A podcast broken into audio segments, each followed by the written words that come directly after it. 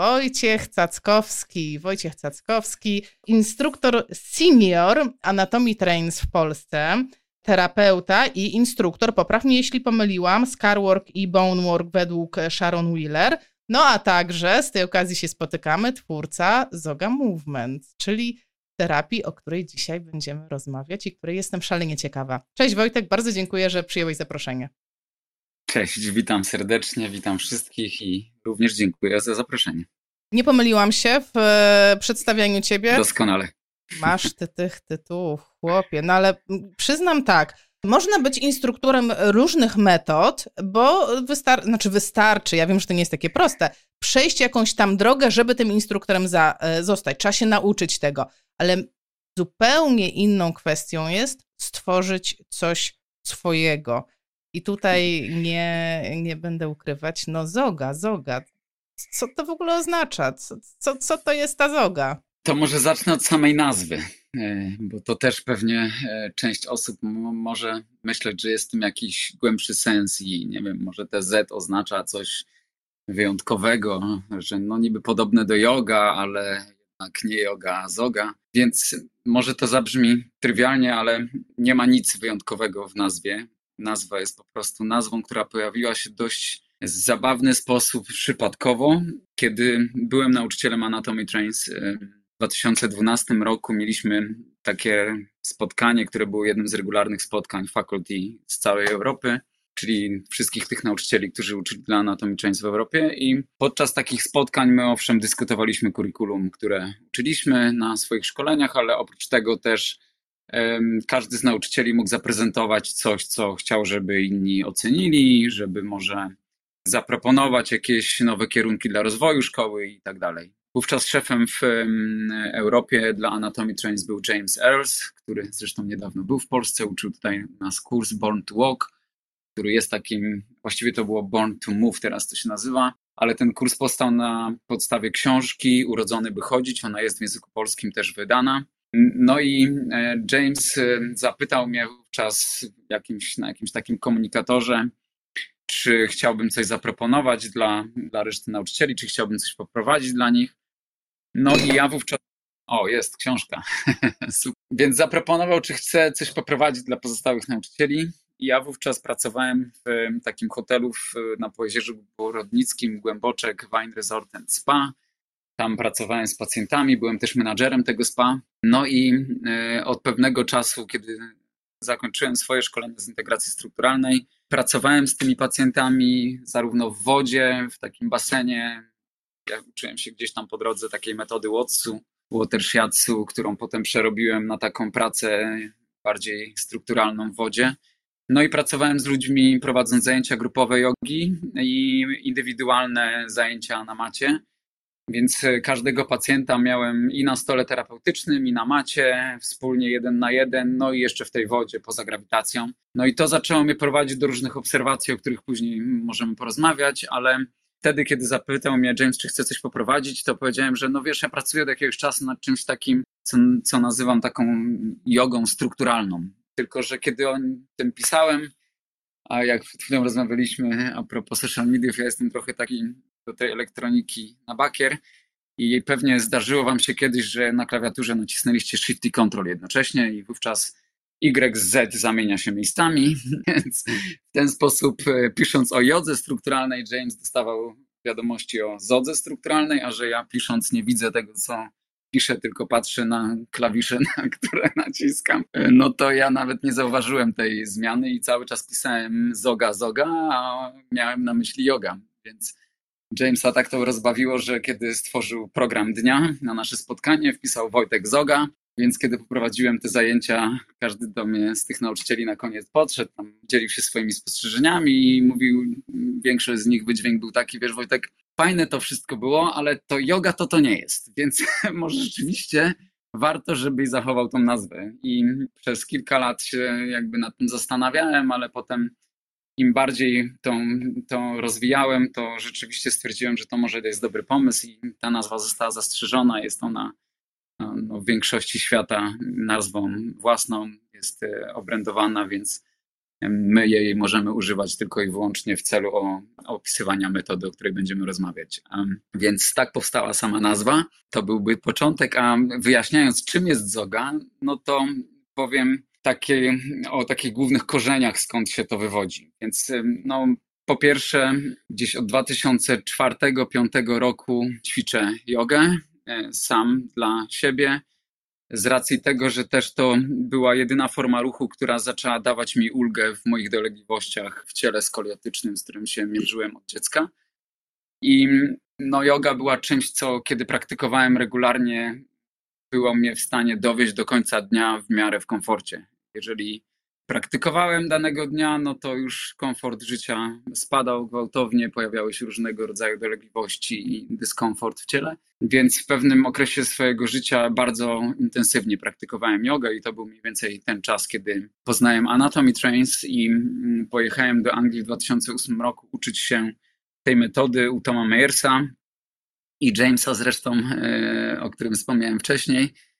No i ten taki yoga jest takim pierwszym korzeniem, z którego to się wywodzi, bo zoga łączy ze sobą dwa światy: świat terapii manualnej i świat terapii ruchem. Więc e, jedna noga tej metody to jest yoga, e, a druga to jest fizjoterapia, medycyna manualna albo jeszcze bardziej specyficznie właśnie integracja strukturalna, czyli taka forma mm, terapii manualnej, która ma w, na swoim takim głównym celu poprawę relacji ciała, mechaniki ciała względem pola grawitacyjnego Ziemi. To jest jakby główne założenie integracji strukturalnej, że jeżeli ciało ma wydajny wzorzec posturalny w grawitacji, który równomiernie dystrybuuje siły, naprężenia, kompresję w obszarze swojej struktury, to wówczas, jak to Aida Rolf e, mówiła, wówczas spontanicznie się leczy, jest w pełni wydajne, zdrowe i mm, odporne na, na różnego rodzaju bodźce. Więc to są takie dwa, dwie rzeczy, skąd yoga, zoga wyrasta, czyli łączy w sobie ruch, e, używa tego ruchu i kombinacji zarówno ruchu, jak i interwencji manualnych do tego, żeby w zorganizowany, zaplanowany sposób, i też można tak patrzeć na słowo integracja strukturalna, czyli można by powiedzieć, że to jest strukturalnie ułożone integrowanie ciała albo integrowanie struktury, więc można to dwojako rozumieć, ale i oba te tłumaczenia mają e, równy sens dla tego, czym ta metoda jest, więc jest to zorganizowany proces oddziaływania mechanicznymi bodźcami na ciało w taki sposób, aby to ciało zyskało większą lekkość utrzymywania dorosłej pionowej postawy ciała w grawitacji. E, I to było jakby głównym celem integracji strukturalnej, a w Zodze my jeszcze patrzymy na to w ten sposób, że dążymy do tego poprzez zrównoważenie możliwości ruchowych w tej grawitacji, czyli pełnej swobody ruchu i takiego ruchu, w którym dystrybucja naprężeń e, powoduje najbardziej wydajny sposób poruszania się. Więc w takim skondensowanym opisie to by było to, czym jest zoga. Pozwolę sobie e, wtrącić się dla osób, które chciałyby więcej informacji na temat obu tych e, koncepcji, to na tym kanale znajdziecie taki live e, o integracji strukturalnej z Grzegorzem i Karoliną, gdzie Grzegorz jest przedstawicielem integracji strukturalnej według IDROLF, a Karolina Anatomy Trains i właśnie mhm. omawiają dokładnie o co chodzi, przez całą godzinę tylko o tym mówią. Także jakby ktoś chciał więcej informacji na ten temat, to są takie informacje. E, powiem ci, Wojtek, ja byłam kiedyś, nie wiem, czy pamiętasz, takie zamierzchłe, ciemne czasy, kiedy była pandemia i kiedy, Aha. pamiętasz takie coś jeszcze? I no pewnie, że pamiętam pandemię. Dużo pracowałem wtedy z pacjentami w gabinecie, bardzo dużo. To nie Więcej mów, bo nie wolno było tak do końca, ale nieważne. Ja w czasach pandemii, oprócz tego, że pracowałeś z pacjentami, prowadziłeś warsztaty online ja na tych warsztatach byłam tak, było takie coś. Ja byłam na tych warsztatach mhm. i wiesz, tak chciałam powiedzieć dla osób, które w ogóle nie mają żadnej styczności z zogą, bo ja nie miałam żadnej oprócz tej wtedy w czasie tych warsztatów, to dla mnie to było takie poczucie, że e, pozycje, które przybieram, to są takie jakby pozycje tak skrajne dla mojego ciała, ale jednocześnie to ciało tak jakby bardzo potrzebowało ich. Nie wiem, czy hmm. to jest takie, to jest takie bardzo specyficzne uczucie, że z jednej strony jest to o rety, to jest tam, gdzie ja nigdy nie byłam i jak dobrze tu być. Aha, to prawda. Zoga znajdzie wszystkie wasze ciemne miejsca w ciele. Te, o których układ nerwowy zapomniał, te, w których jest mało ruchu, te, w których przepływ płynów jest ograniczony i te, w których jest słaba preprocepcja, dlatego kiedy my dochodzimy ruchem do tych obszarów, to one są takie, nie? właśnie takie jak to przedstawiłaś, takie, że średnio nam się one podobają, ale kiedy zaczynamy wzbudzać w tych obszarach ruch i zaczyna on się tam rozgaszczać, że tak powiem, to nagle się okazuje, że ciało bardzo jest wdzięczne e, za to, że ten ruch się tam pojawił, bo nagle, kiedy wyjdziemy z tej paskudnej pozycji, nagle się okazuje, o, czuję, że moje barki są luźniejsze, czuję, że moje biodro się poluzowało, o, inaczej stoi mi stopa. Więc no, dokładnie tak jest. E, układamy ciało w takich pozycjach, które które no, na co dzień raczej nam się nie zdarzają. Wojtek, no to, no to czyli, czyli jednak yoga. Wiesz, ja tak trochę będę cię ciągnąć dla mhm. osób, które mhm. w ogóle nie wiedzą o co chodzi, bo ja też w sumie tak oprócz tych warsztatów, które były bardzo krótkimi warsztatami, ja też tak do końca nie wiem o co chodzi. Czyli co? Czyli mhm. taka bardziej wyrafinowana yoga, że ja się bardziej skręcę, bardziej to zrobię e, zgodnie z łańcuchami mięśniowo-powięziowymi, czy to, co, co tam jeszcze jest? Dawaj nam jakieś smaczki. Więc tak. Myślę, że bardzo, że są nauczyciele jogi, którzy e, w podobny sposób używają jogi, jak ja używam zogi, jeżeli chodzi o sam ruch i to, jak on oddziałuje na ciało. Różnica pomiędzy jogą a zogą jest taka, że zoga opiera się w swojej, w swojej koncepcji, sposobie myślenia i tym, jak planuje proces terapeutyczny o zasadę integracji strukturalnej. I to jest ta główna różnica, myślę, pomiędzy jogą a zogą, że zoga w całej swojej filozofii mm, no, stoi na integracji strukturalnej, a nie na jodze. Nie stoi na filozofii jogi, nie stoi na tym, no, na pewno nie używamy sanskrytu do opisywania swoich pozycji, e, to tak trochę pół żartem, e, ale generalnie opiera się o analizę biomechaniczną ciała i o to, jak poruszają się tkanki miękkie względem kości i w ogóle względem siebie w ciele, jak ten relatywny ruch tkanek potem oddziałuje na możliwości ruchu e, w przestrzeni ciała i tego, jakiej pozycji zatrzymuje się w spoczynku.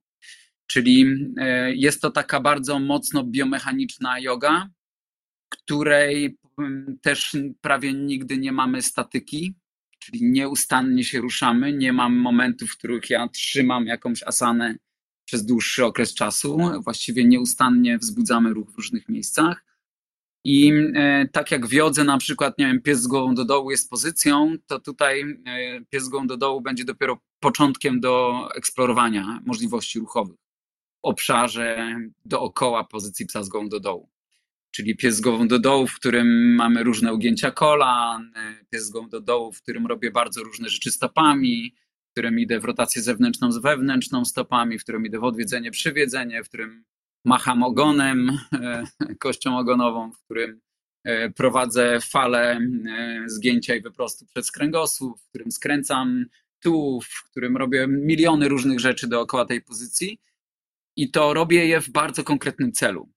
Jeżeli mam tyło pochylone golenie, będę robił inny ruch. Jeżeli będę miał tyło pochylenie miednicy, będę robił inny ruch. Jeżeli mam rotację w odcinku, e, czy na przykład w przejściu piersiowo-lędźwiowym w lewo, no to będę sięgał psie z głową do dołu, do lewą dłonią do prawej stopy i tak dalej, i tak dalej. Czyli będę każdy ruch, który będę wzbudzał w danej pozycji, będzie miał bardzo konkretny biomechaniczny cel e, wzbudzenia relatywnego ruchu pomiędzy poszczególnymi warstwami tkanek w ciele, po to, aby oswobadzając ich ruch przemieszczania się względem siebie, pozwolić kościom na e, przywrócenie im bardziej wydajnej pozycji. Wiesz co, to y, ja tak sobie to wyobrażam. Teraz e, spróbuję, spróbuję ci powiedzieć, jak ja to widzę, bo z czym mi się kojarzy integracja strukturalna że jednak ktoś leży i terapeuta własnymi rękami w jakiś sposób przesuwa te tkanki jedne względem drugich, tam jest określona kolejność, określone, yy, prawda, jakby sekwencje, jak to się robi.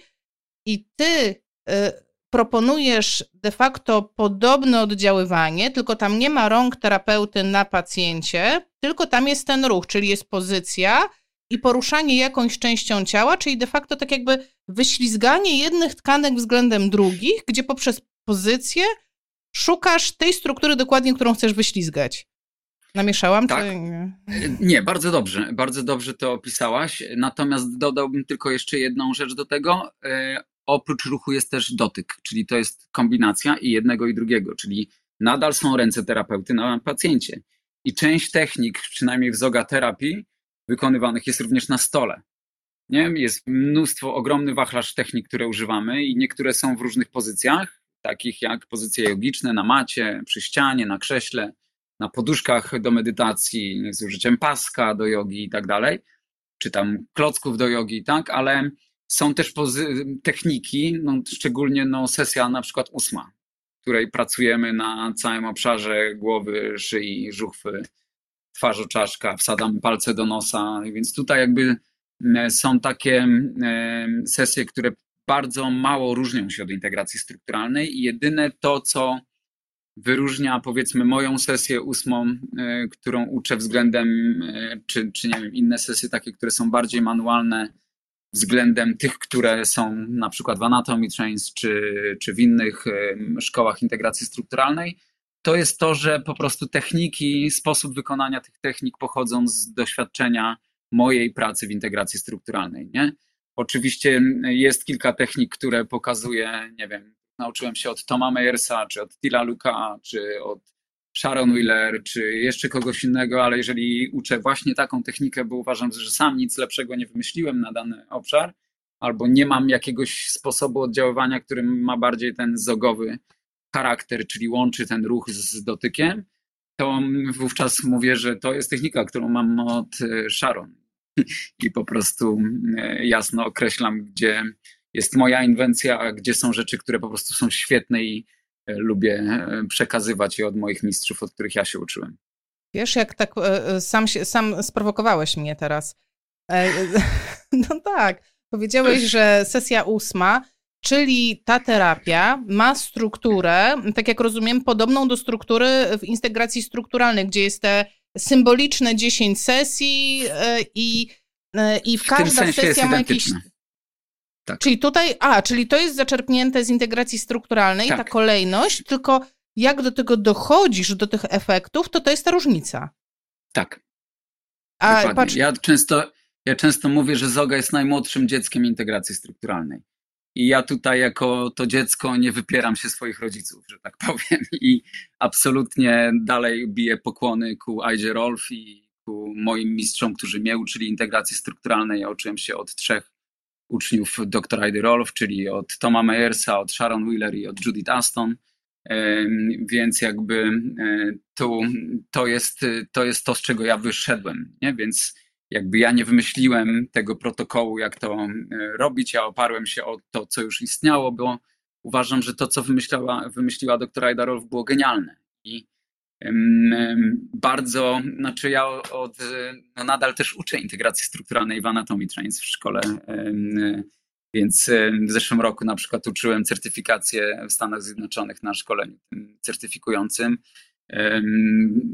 Być może w przyszłym roku, przyszłym roku będę ponownie na, na trójce. Jeżeli e, się odbędzie kolejne szkolenie certyfikujące w Polsce, to na pewno też na nim będę. Także ja nadal uczę integracji strukturalnej, jestem w Towarzystwie Integracji Strukturalnej Światowym i jakby z, tylko z racji tego, że jesteśmy taką młodą metodą, ja jej nie nazywam integracją strukturalną i nie aspiruje do AJAZI, czyli Międzynarodowego Towarzystwa Integracji Strukturalnej, żeby zarejestrować naszą szkołę jako, szkołę jako jedną ze szkół integracji strukturalnej, ale tak naprawdę, tak jak mówię, filozofia tej pracy to jest integracja strukturalna. To, w jaki sposób my oddziałujemy na ciało i to, jakich technik używamy i jak wpletliśmy w to ruch, to jest to, dlaczego to się nazywa zoga, a nie integracja strukturalna, ale bardzo jakby na wszystkich szkoleniach mocno o tym mówię, że to, ta cała filozofia to jest, e, to jest coś, co jest jeden do jeden z integracją strukturalną. A powiedziałbyś, że zoga to terapia powięziowa? E, wiesz co, tak można powiedzieć o wszystkim. Wszystko jest terapią powięziową.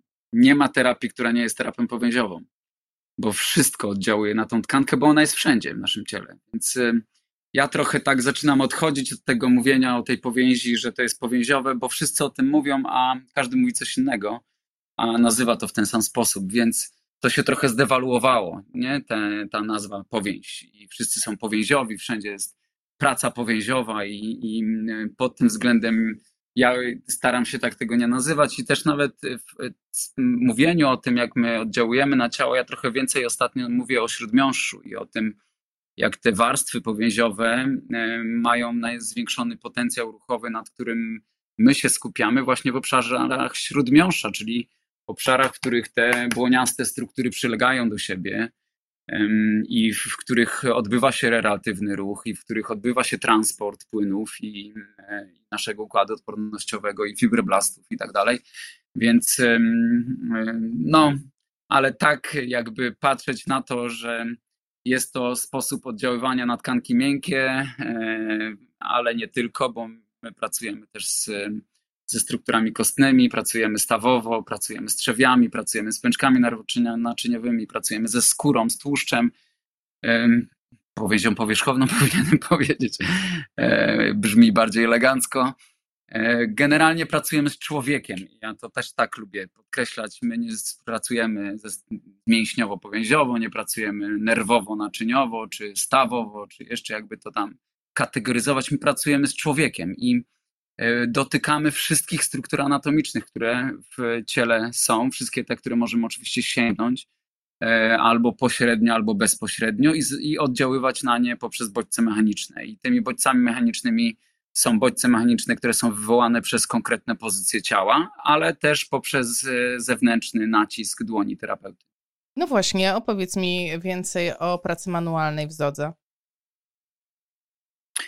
Więc praca manualna w Zodze bardzo mocno um, um, patrzy na to, w jaki sposób poszczególne warstwy tkanek um, poruszają się względem siebie. I my Rzadko kiedy e, działamy na jakiś konkretny mięsień, żeby go wydłużyć, rozciągnąć, tylko bardziej patrzymy, czy dana struktura ma możliwość ślizgu w górę, ma możliwość ślizgu w, gór, w dół, ma możliwość przemieszczeń do bocznych.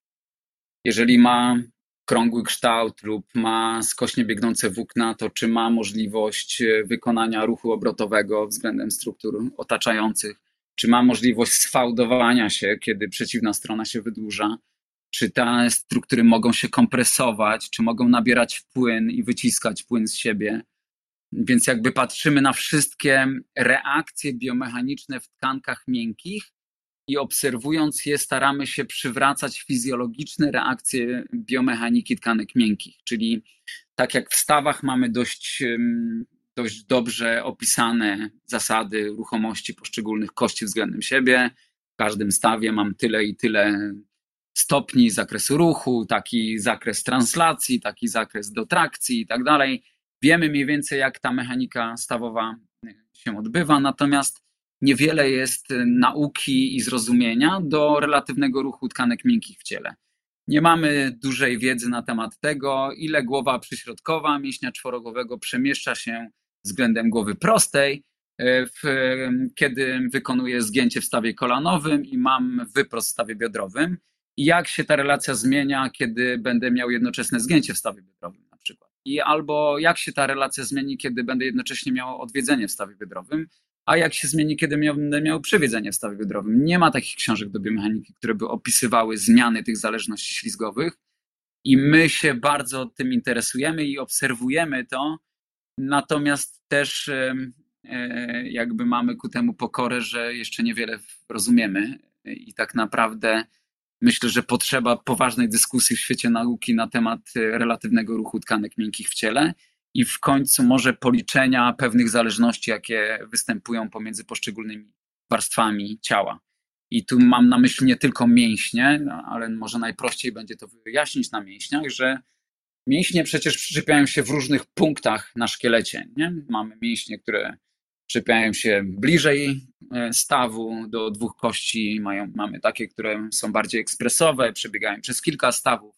Jedne biegną trochę bardziej skośnie dookoła stawu, inne biegną bezpośrednio w osi ruchu, inne gdzieś tam się owijają do niego dookoła. Jedne są płaskie, drugie krągłe, trzecie struniaste, więc każde ma inny kształt, więc kiedy te kości zaczynają się ruszać w przestrzeni, no to mięśnie muszą wykonywać określone ruchy, nie? Albo się krzyżując ze sobą jeden dookoła drugiego, albo muszą się obracać dookoła kości, albo muszą się właśnie fałdować, wydłużać, więc jest mnóstwo, e, e, mnóstwo biomechanicznych zmian kształtu i relacji i pozycji, których my według mnie nie rozumiemy kompletnie. Nie mamy takich, takich nie mamy tego tak rozgryzionego w biomechanice, jak e, rozgryzieliśmy stawy.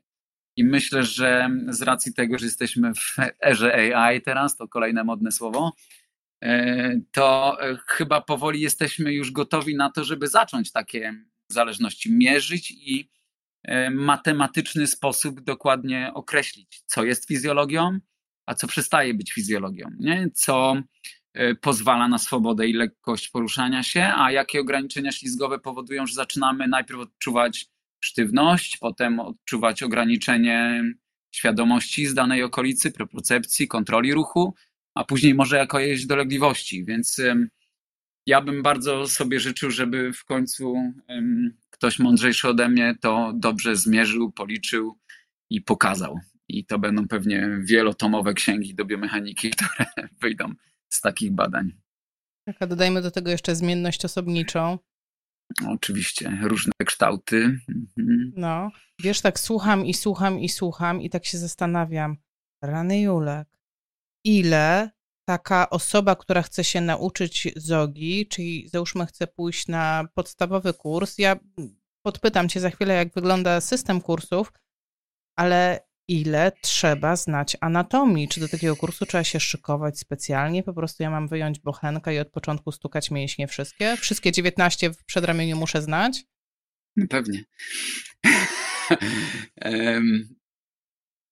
to może powiem tak.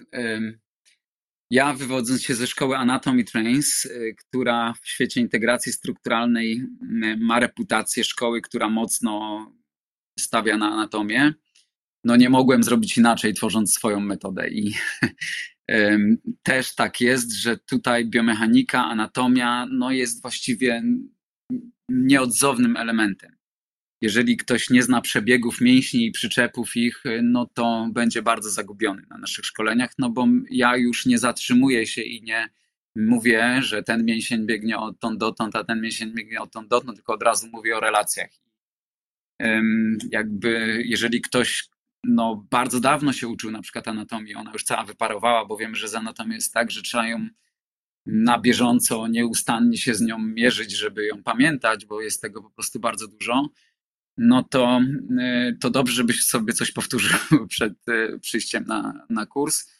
A jeżeli chce przejść przez całą drogę, no to musi być gotów na to, że po prostu tą anatomię trzeba się uczyć. I ale to chyba każdy fizjoterapeuta o tym dobrze wie, że anatomia jest niezbędna do naszej pracy i trzeba ją dobrze rozumieć, a później jeszcze fajnie jest rozumieć, jak ta anatomia i biomechanika może się przekładać na fizjologię. To, to mm, albo na jakieś konkretne objawy kliniczne, jeżeli już bardziej tak fizjoterapeutycznie na to patrzymy, no bo jednak integracja strukturalna w taki sposób kliniczny działania na problemy i konkretne dolegliwości średnio się na nich skupia. Ona się skupia bardziej na tym, żeby ciało zyskało bardziej wydajny wzorzec grawitacji, a przez to doprowadza do odciążania tych miejsc, które są bolesne, przeciążone, mają jakieś problemy.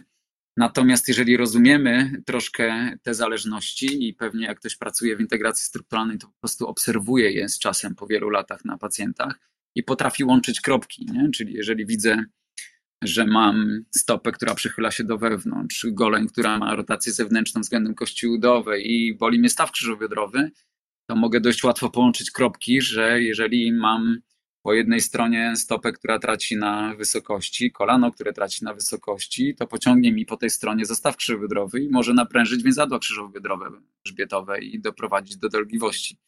Więc wtedy mogę, patrząc na kogoś, kto przychodzi do mnie z konkretnym bólem, mogę zastosować myślenie integracji strukturalnej do niwelowania konkretnych dolegliwości, tak? Ale co do zasady, integracja strukturalna trochę w nosie ma ból i dolegliwości. Ona się po prostu, można by to nazwać, że to jest taka To jest taka metoda, która e, jak nie wiem, taki budowniczy przychodzi do domu, który już ileś lat stoi i no, gdzieś tam podmyło fundamenty, popękały ściany, dach przecieka i mm, ktoś mówi, no dach przecieka, czyli boli mnie biodro, nie? No tam e, drzwi się nie domykają, czyli nie wiem, no czuję ograniczenie w oddechu albo e, jeszcze coś innego i to jest ten, ta budowla naszego ciała, na, na naszego pacjenta. I taki terapeuta integracji strukturalnej mówi, ale ja tam się nie znam na oknach, ja panu muszę zrobić najpierw ten fundament, prostować ściany i generalnie ustanowić równo dach, nie? No i nagle się okazuje, że jak ten dach jest równo i fundament nie jest przychylony, no to tak naprawdę przestało cieknąć z tego dachu i nie, drzwi zaczęły się domykać i tak dalej, i tak dalej. Więc jakby terapeuci integracji strukturalnej to są osoby, które skupiają się na mechanice i chcą poprawić mechanikę.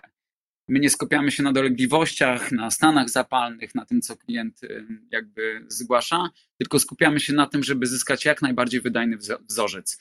I w integracji strukturalnej jest to wzorzec posturalny. W Zodze jest to wzorzec nie tylko posturalny, ale też przywrócenie pełnej swobody ruchu w obszarze e, grawitacji. Więc na, ja często mówię o tym, że w integracji strukturalnej na przykład patrzymy, czy miednica jest przodo, czy tyło pochyleniu, załóżmy, tak? I później jak się do tego układa klatka piersiowa, co robi głowa. I e, my patrzymy w Zodze dodatkowo e, na to w ten sposób, ok, jeżeli jest przodopochylona miednica, to czy w obszarze stawu biodrowego mam więcej zgięcia, czy wyprostu? No pewnie będzie więcej zgięcia. Nie? Jeżeli miednica w spoczynku ustawia się w kierunku przodopochylenia, to w zakresach ruchomości będę miał więcej zgięcia, aniżeli wyprostu. W Zodze jeszcze dodatkowo byśmy patrzyli, czy mm, kierunki ślizgu są swobodne w, ty, w obszarze miednicy, czyli czy te zginacze mają swobodny ślizg ku górze, czy mają swobodny ślizg ku dołowi. Czy prostowniki mają swobodny ślizg ku górze i w przodopochyleniu pewne będą miały bardziej swobodny ślizg ku górze, ale trochę mniej swobodny ślizg ku dołowi, ku podłodze, tak, dystalny. No i oprócz tego patrzymy, no jeżeli jest to przodopochylenie, no to są z przodu stawu biodrowego mięśnie, które w trakcie wyprostu muszą się rozchodzić, w trakcie zgięcia muszą się schodzić do siebie, więc patrzymy, ok, czy one mogą wykonać ten ruch. Więc ym, patrzymy później na to, jak przywracając ten y, ruch, możemy przywracając e, bardziej zrównoważony ruch, przywracamy bardziej zrównoważoną, e, neutralną pozycję statyczną. Czyli jeżeli mam podobny ruch w jedną i w drugą stronę, to w pozycji spoczynkowej stanę po środku. Jeżeli dominuje jedna strona, to w pozycji spoczynkowej będę stał bliżej tej strony. Więc pod tym względem no, my patrzymy bardziej na mechanikę, jesteśmy takimi ludźmi od mechaniki ale tak jak wspomniałem, jak się dobrze potrafi połączyć te kropki, to można tego dość skutecznie używać do rozwiązywania konkretnych problemów również. Wiesz co, a ja jeszcze mm, podpytam o taką stronę, nie wiem czy ona istnieje, ale tak z, z tego co powiedziałeś, y, pojawiły się y, takie rzeczy jak praca na różnych tkankach, jak y, praca na trzewiach, jak mhm. palec w nosie. E, i w dodatku nawiązanie do integracji strukturalnej, gdzie e, szukamy tej równowagi i uwaga, nie tylko w strefie ciała, ale jednak zakładamy, że generalnie szukamy równowagi, no, można powiedzieć, w życiu, tak? I mhm. stąd moje pytanie, e, czy też w Zodze masz ten taki element pracy z psychiką człowieka, z, z tym, z tym, no teraz jest modny model biopsychospołeczny, więc ja tak trochę do tego psycho, e, psycho dążę. Czy to jest tylko ciało, ciało, ciało, czy tam jest coś więcej, a dołącz sobie, nie wiem, do tego medytację, pracę z oddechem, regulację ośrodkowego układu nerwowego. E, jak to widzisz?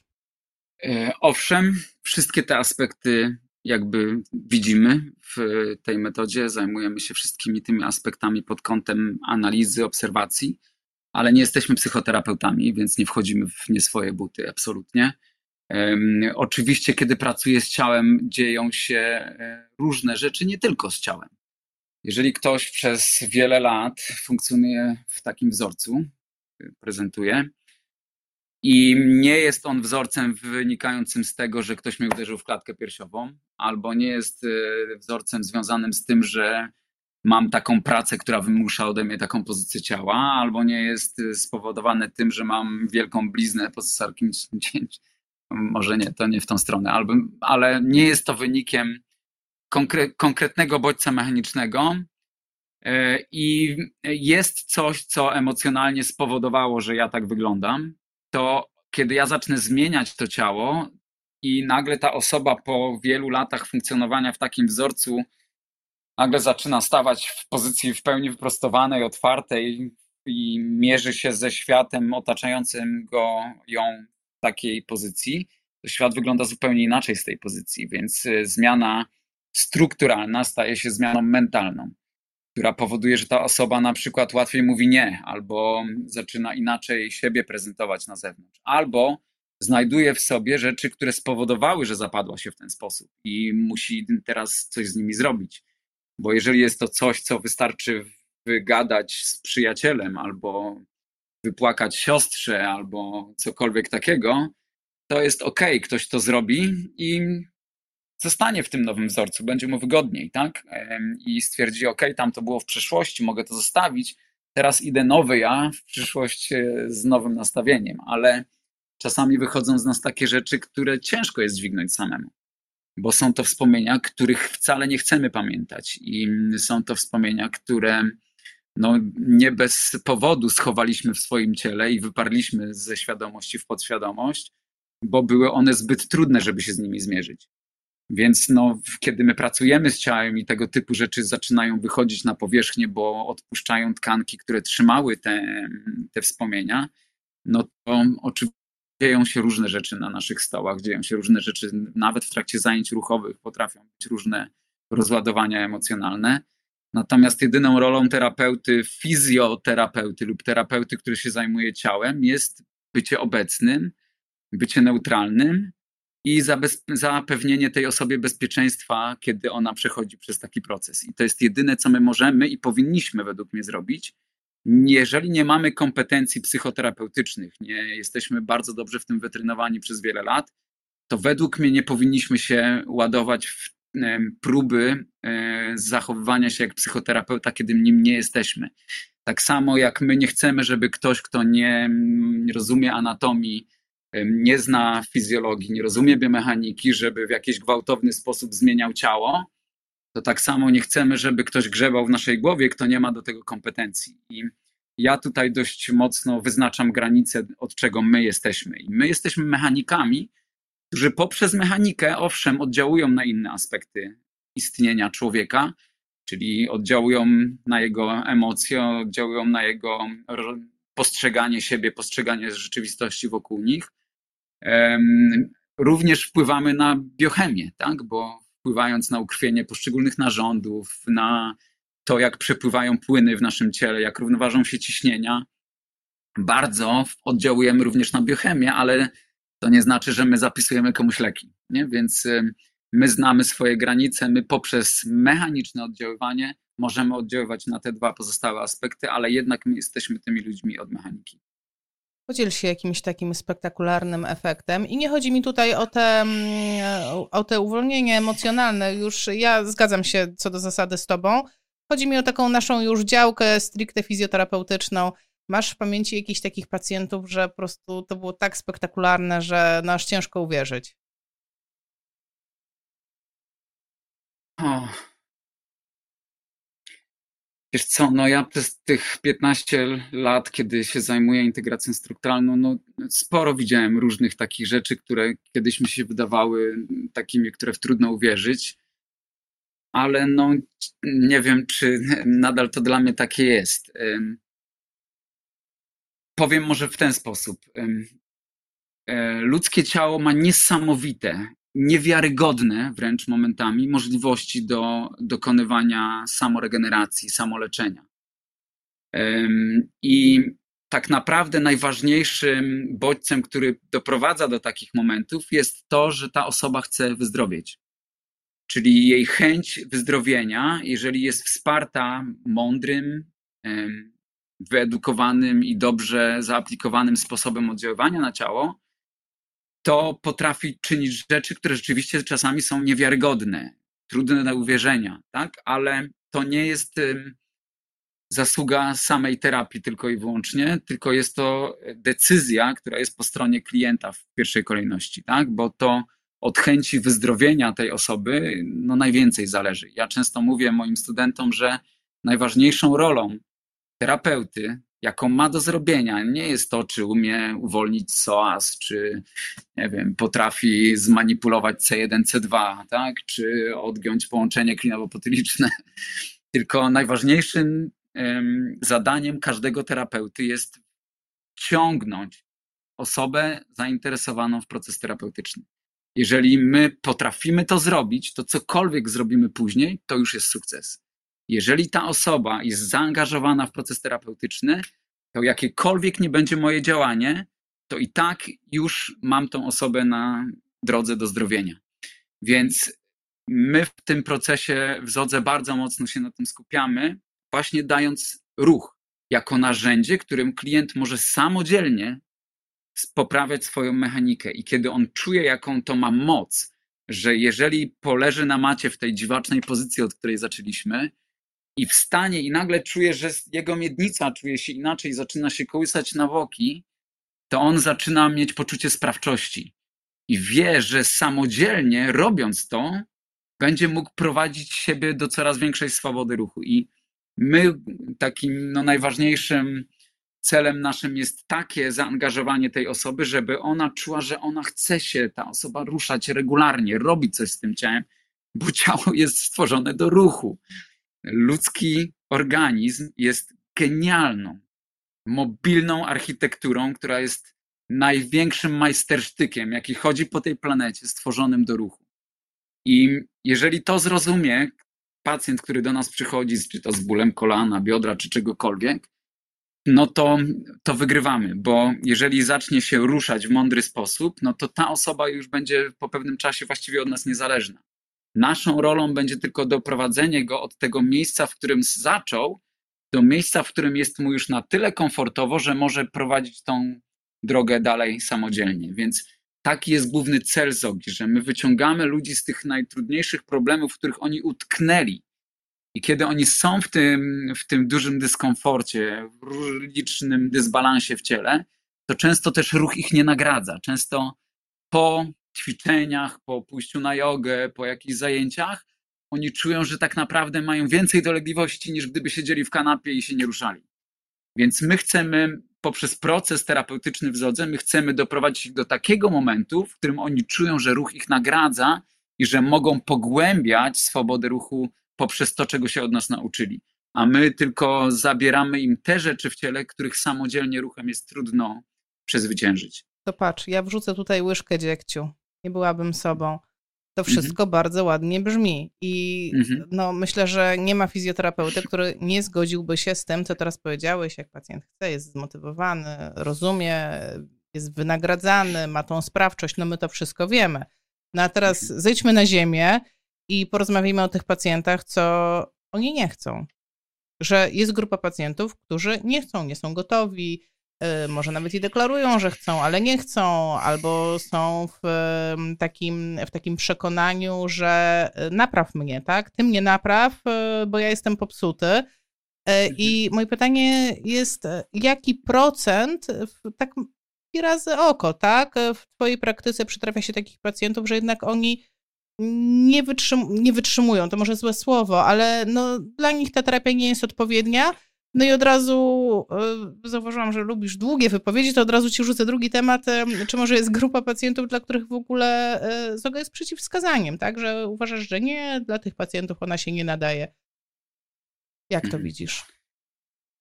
Czy to powiem, może to trochę dziwnie zabrzmi teraz, ale ja nie pracuję z takimi ludźmi. Ja pracuję z ludźmi, którzy chcą, może nie, pracuję ze wszystkimi, ale jakby to powiedzieć. No, ja doprowadzam do tego, że angażuję tych ludzi w proces terapeutyczny, może tak to powiem. E, a część osób, kiedy pozbędzie się tej swojej dolegliwości e, i nie kontynuuje tego dalej, no to e, nie przychodzą do mnie więcej, nie? Więc ja prowadzę ludzi przez pewien proces. Od początku, przez środek do zakończenia. Jest to proces, który, na który my się umawiamy. Słuchaj, to jest taki proces, w którym ja nie leczę twojego kolana. I wręcz Teraz już tak dużo nie pracuję całym systemem 12 sesji, bo jestem bardzo mocny na salach szkoleniowych ciągle i mi ciężko teraz e, ludzi brać na cały proces.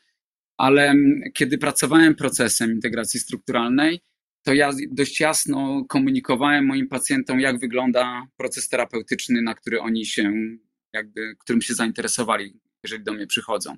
Że jest to proces, który ma początek, środek i zakończenie. My się umawiamy na pewien konkretny projekt wspólny projekt. I w trakcie tego projektu ja mówię, że podczas tego projektu będę oddziaływał na Twoją biomechanikę, będę powodował to, że Twoje ciało zacznie się inaczej ruszać, będziesz czuł, że się inaczej poruszasz w grawitacji, że inne pozycje spoczynkowe zaczną być dla Ciebie wygodne, będziesz czuł, że może inaczej stoisz na stopach i tak dalej, i tak dalej. I to jest proces, na który my się umawiamy. Ja nie obiecuję, że rozwiążę Ci ten problem, że zajmę się tym barkiem, czy tym konkretną rzeczą.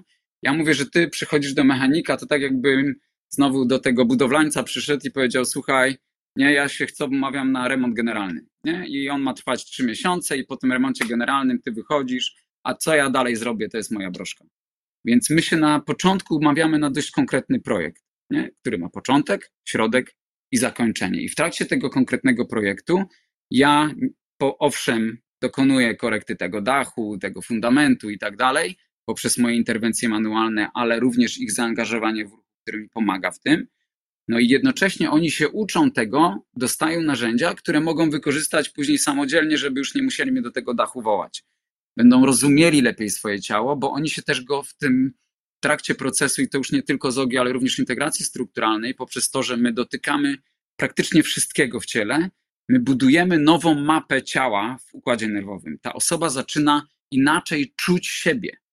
A kiedy inaczej czuje siebie, to też roz, zaczyna rozpoznawać, że może pewne pozycje czy pewne rzeczy, które robi w życiu, nie służą jego komfortowi, jej komfortowi, kimkolwiek to jest, tak? Więc pod tym względem, e, no, mi się, ja nie muszę, nie, nie próbuję przekonywać kogoś do tego, żeby szedł ku zdrowiu. Ja oferuję coś, jeżeli ktoś tego chce, to to bierze. Jeśli tego nie chce, to idzie do kogoś, kto po prostu, nie wiem, dam mu jakiś zastrzyk, zrobi jakieś rozwiązanie lokalne, na którym mu zależy. Więc ja sobie w pewnym sensie profiluję ludzi, którzy do mnie przychodzą. Profiluję takich ludzi, którzy chcą przejść przez proces generalnej, globalnej zmian, zmiany mechaniki.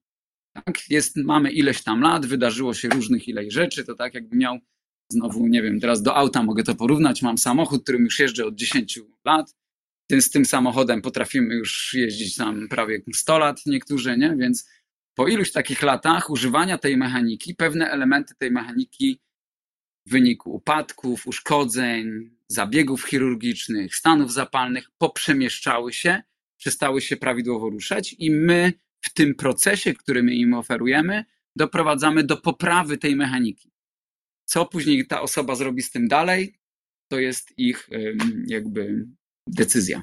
No dobra, a przeciwwskazania? Na czacie było pytanie na przykład o hipermobilność, ale przyznam, że mam więcej pytań. No osoby, które na przykład mają w ogóle ograniczony zakres ruchu ze względu na chorobę, zwrodnienia stanów, choroby reumatyczne, które często są bólowe, ciężko obciążać niektóre stawy, czy tam bolą jakieś pozycje, czy chociażby choroby neurologiczne, E, gdzie po prostu nie masz władzy i nie wykonasz e, pewnych ruchów. Masz jakieś takie sztywne przeciwwskazania, czy raczej jesteś w stanie dopasować terapię praktycznie do każdego pacjenta?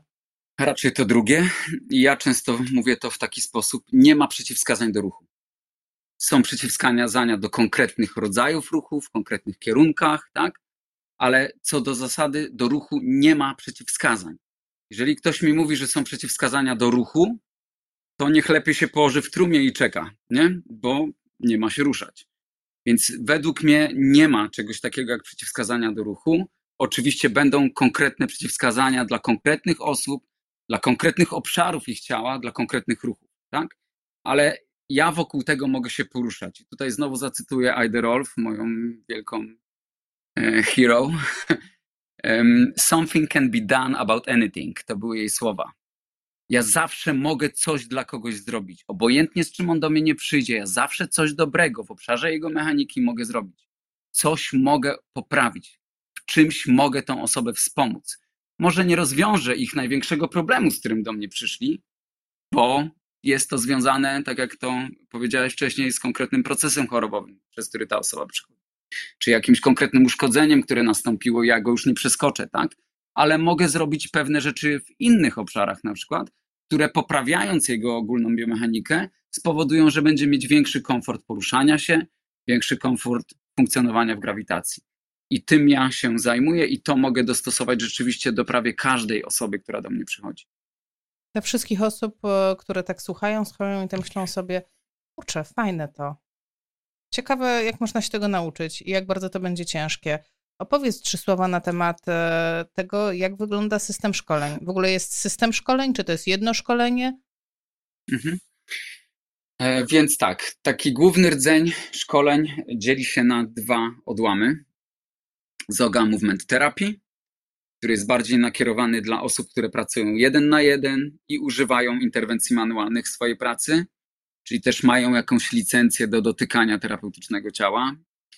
No i drugi, i to bardziej tak naprawdę ja to podzieliłem z powodów prawnych, szczególnie też jeżeli chodzi o Stany Zjednoczone, bo tam jest to bardzo mocno, tak sztywno rozgraniczone, co kto może.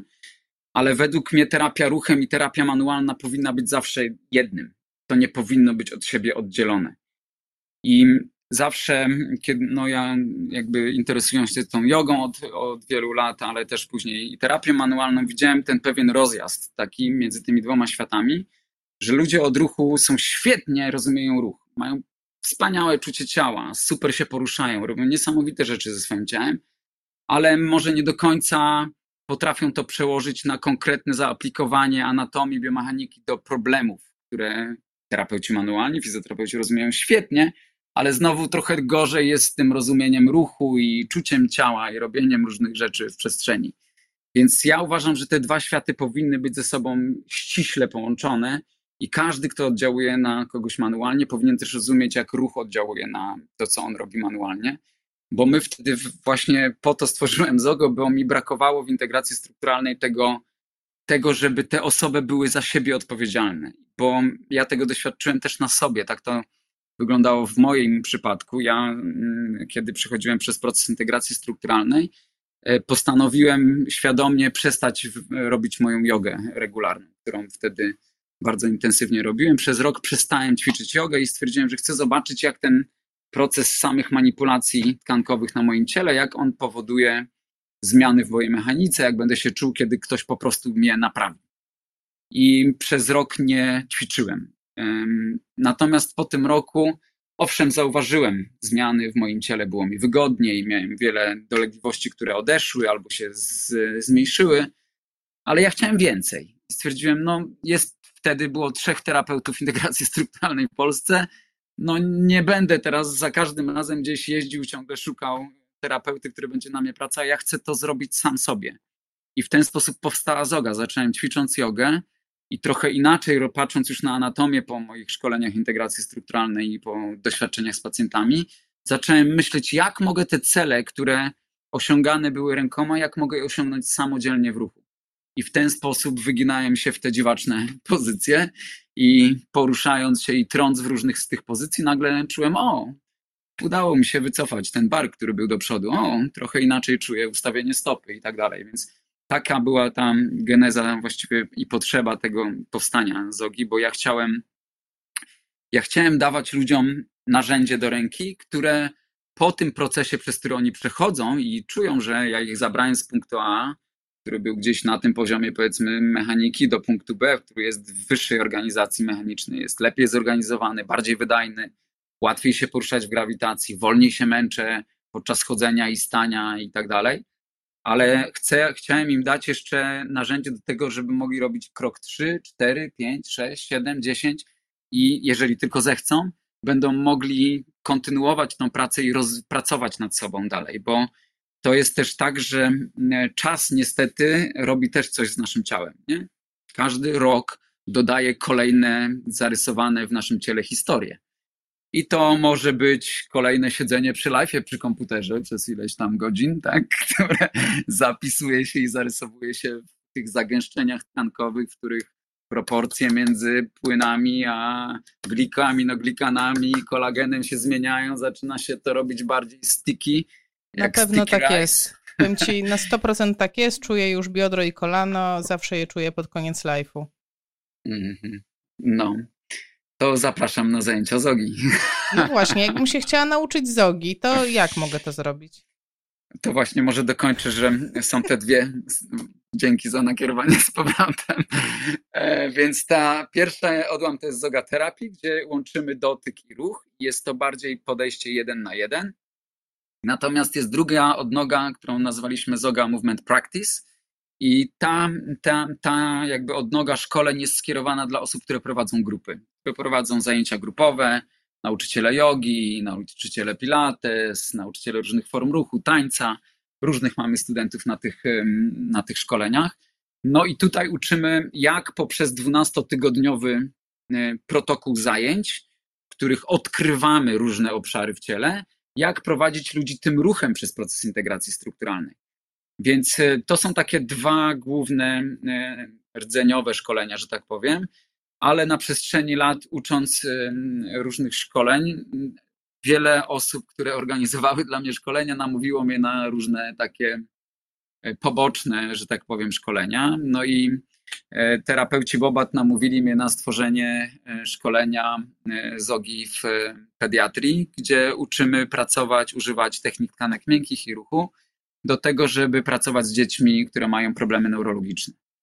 Później, kiedy uczyłem tych szkoleń e, pediatrycznych, ktoś na jedno ze szkoleń przyniósł niemowlę i ja na tym niemowlaku zacząłem pracować i zrobiłem coś zupełnie innego niż wszystko to, co pokazałem na pediatrii i namówili mnie, żeby zrobić szkolenie zoga dla niemowląt. I to jest zbiór technik, które po prostu używam pracując z niemowlętami. No i mm, przez moją współpracę na przykład z podologia.pl, Olą Bintec Jasiejko, którą serdecznie pozdrawiam, jeśli nas ogląda, to stworzyliśmy niedawno projekt, który wystartował pod koniec zeszłego roku, ZOGA w ortopodologii, e, czyli połączenie świata podologii z zogą, jak poprzez te nasze techniki z zogi oddziaływać na obszar stopy, stabilometrię, wydrążenie łuku i później różne problemy, które są w obszarze stóp.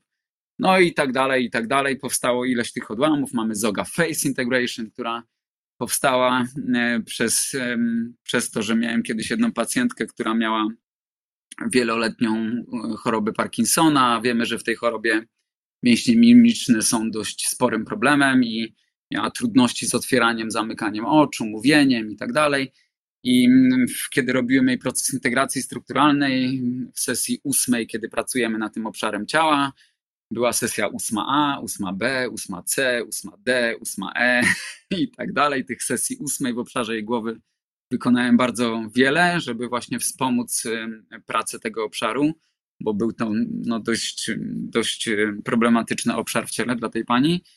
No i za każdym razem, kiedy ona wychodziła z zabiegu, dziewczyny na recepcji, wtedy byłem w Ciechocinku, pracowałem, były tam też kosmeteo, lożki, tak to się mówi, które pracowały ze mną i siedząc na recepcji, kiedy ona do mnie, do mnie wychodziła, patrząc na twarz tej pani, mówią, co ty jej robisz, że ona ciągle młodsza wychodzi. Wygląda coraz bardziej, ma wygładzoną twarz, jest mniej zmarszczek i tak dalej, zaczyna się uśmiechać. No i wtedy tak zrobiłem takie wewnętrzne szkolenie, gdzie zacząłem im pokazywać trochę tych technik na obszar mięśni mimicznych. No i bardzo się to przyjęło. No i na pewnej konferencji też na którą zostałem zaproszony na taki kongres LNE, na który mnie kiedyś zaprosili, to jest taki spa i beauty kongres, mnie zaprosili jako menadżera byłego spa, który wprowadził właśnie integrację strukturalną do spa, żeby opowiedzieć jak ja to zrobiłem, że taki, taką formę terapii do spa wprowadziłem. Więc jak mnie zaprosili na tę konferencję, no to ja jednocześnie powiedziałem, wiecie co, mam takie coś fajnego, co ostatnio dziewczyną u nas pokazywałem, może byście chcieli zobaczyć i E, miałem już nazwę Zoga, więc mówię, to nazwijmy to po prostu Zoga Face Integration. Tu powstał cały e, cykl szkoleń, trzech certyfikacji, który teraz bardzo prężnie się rozwija dzięki Tomkowi Tomasikowi, który e, Roxanie i jeszcze Justynie, którzy prowadzą tego to w Polsce i nie tylko, zresztą ostatnio. Więc to jest kolejny odłam.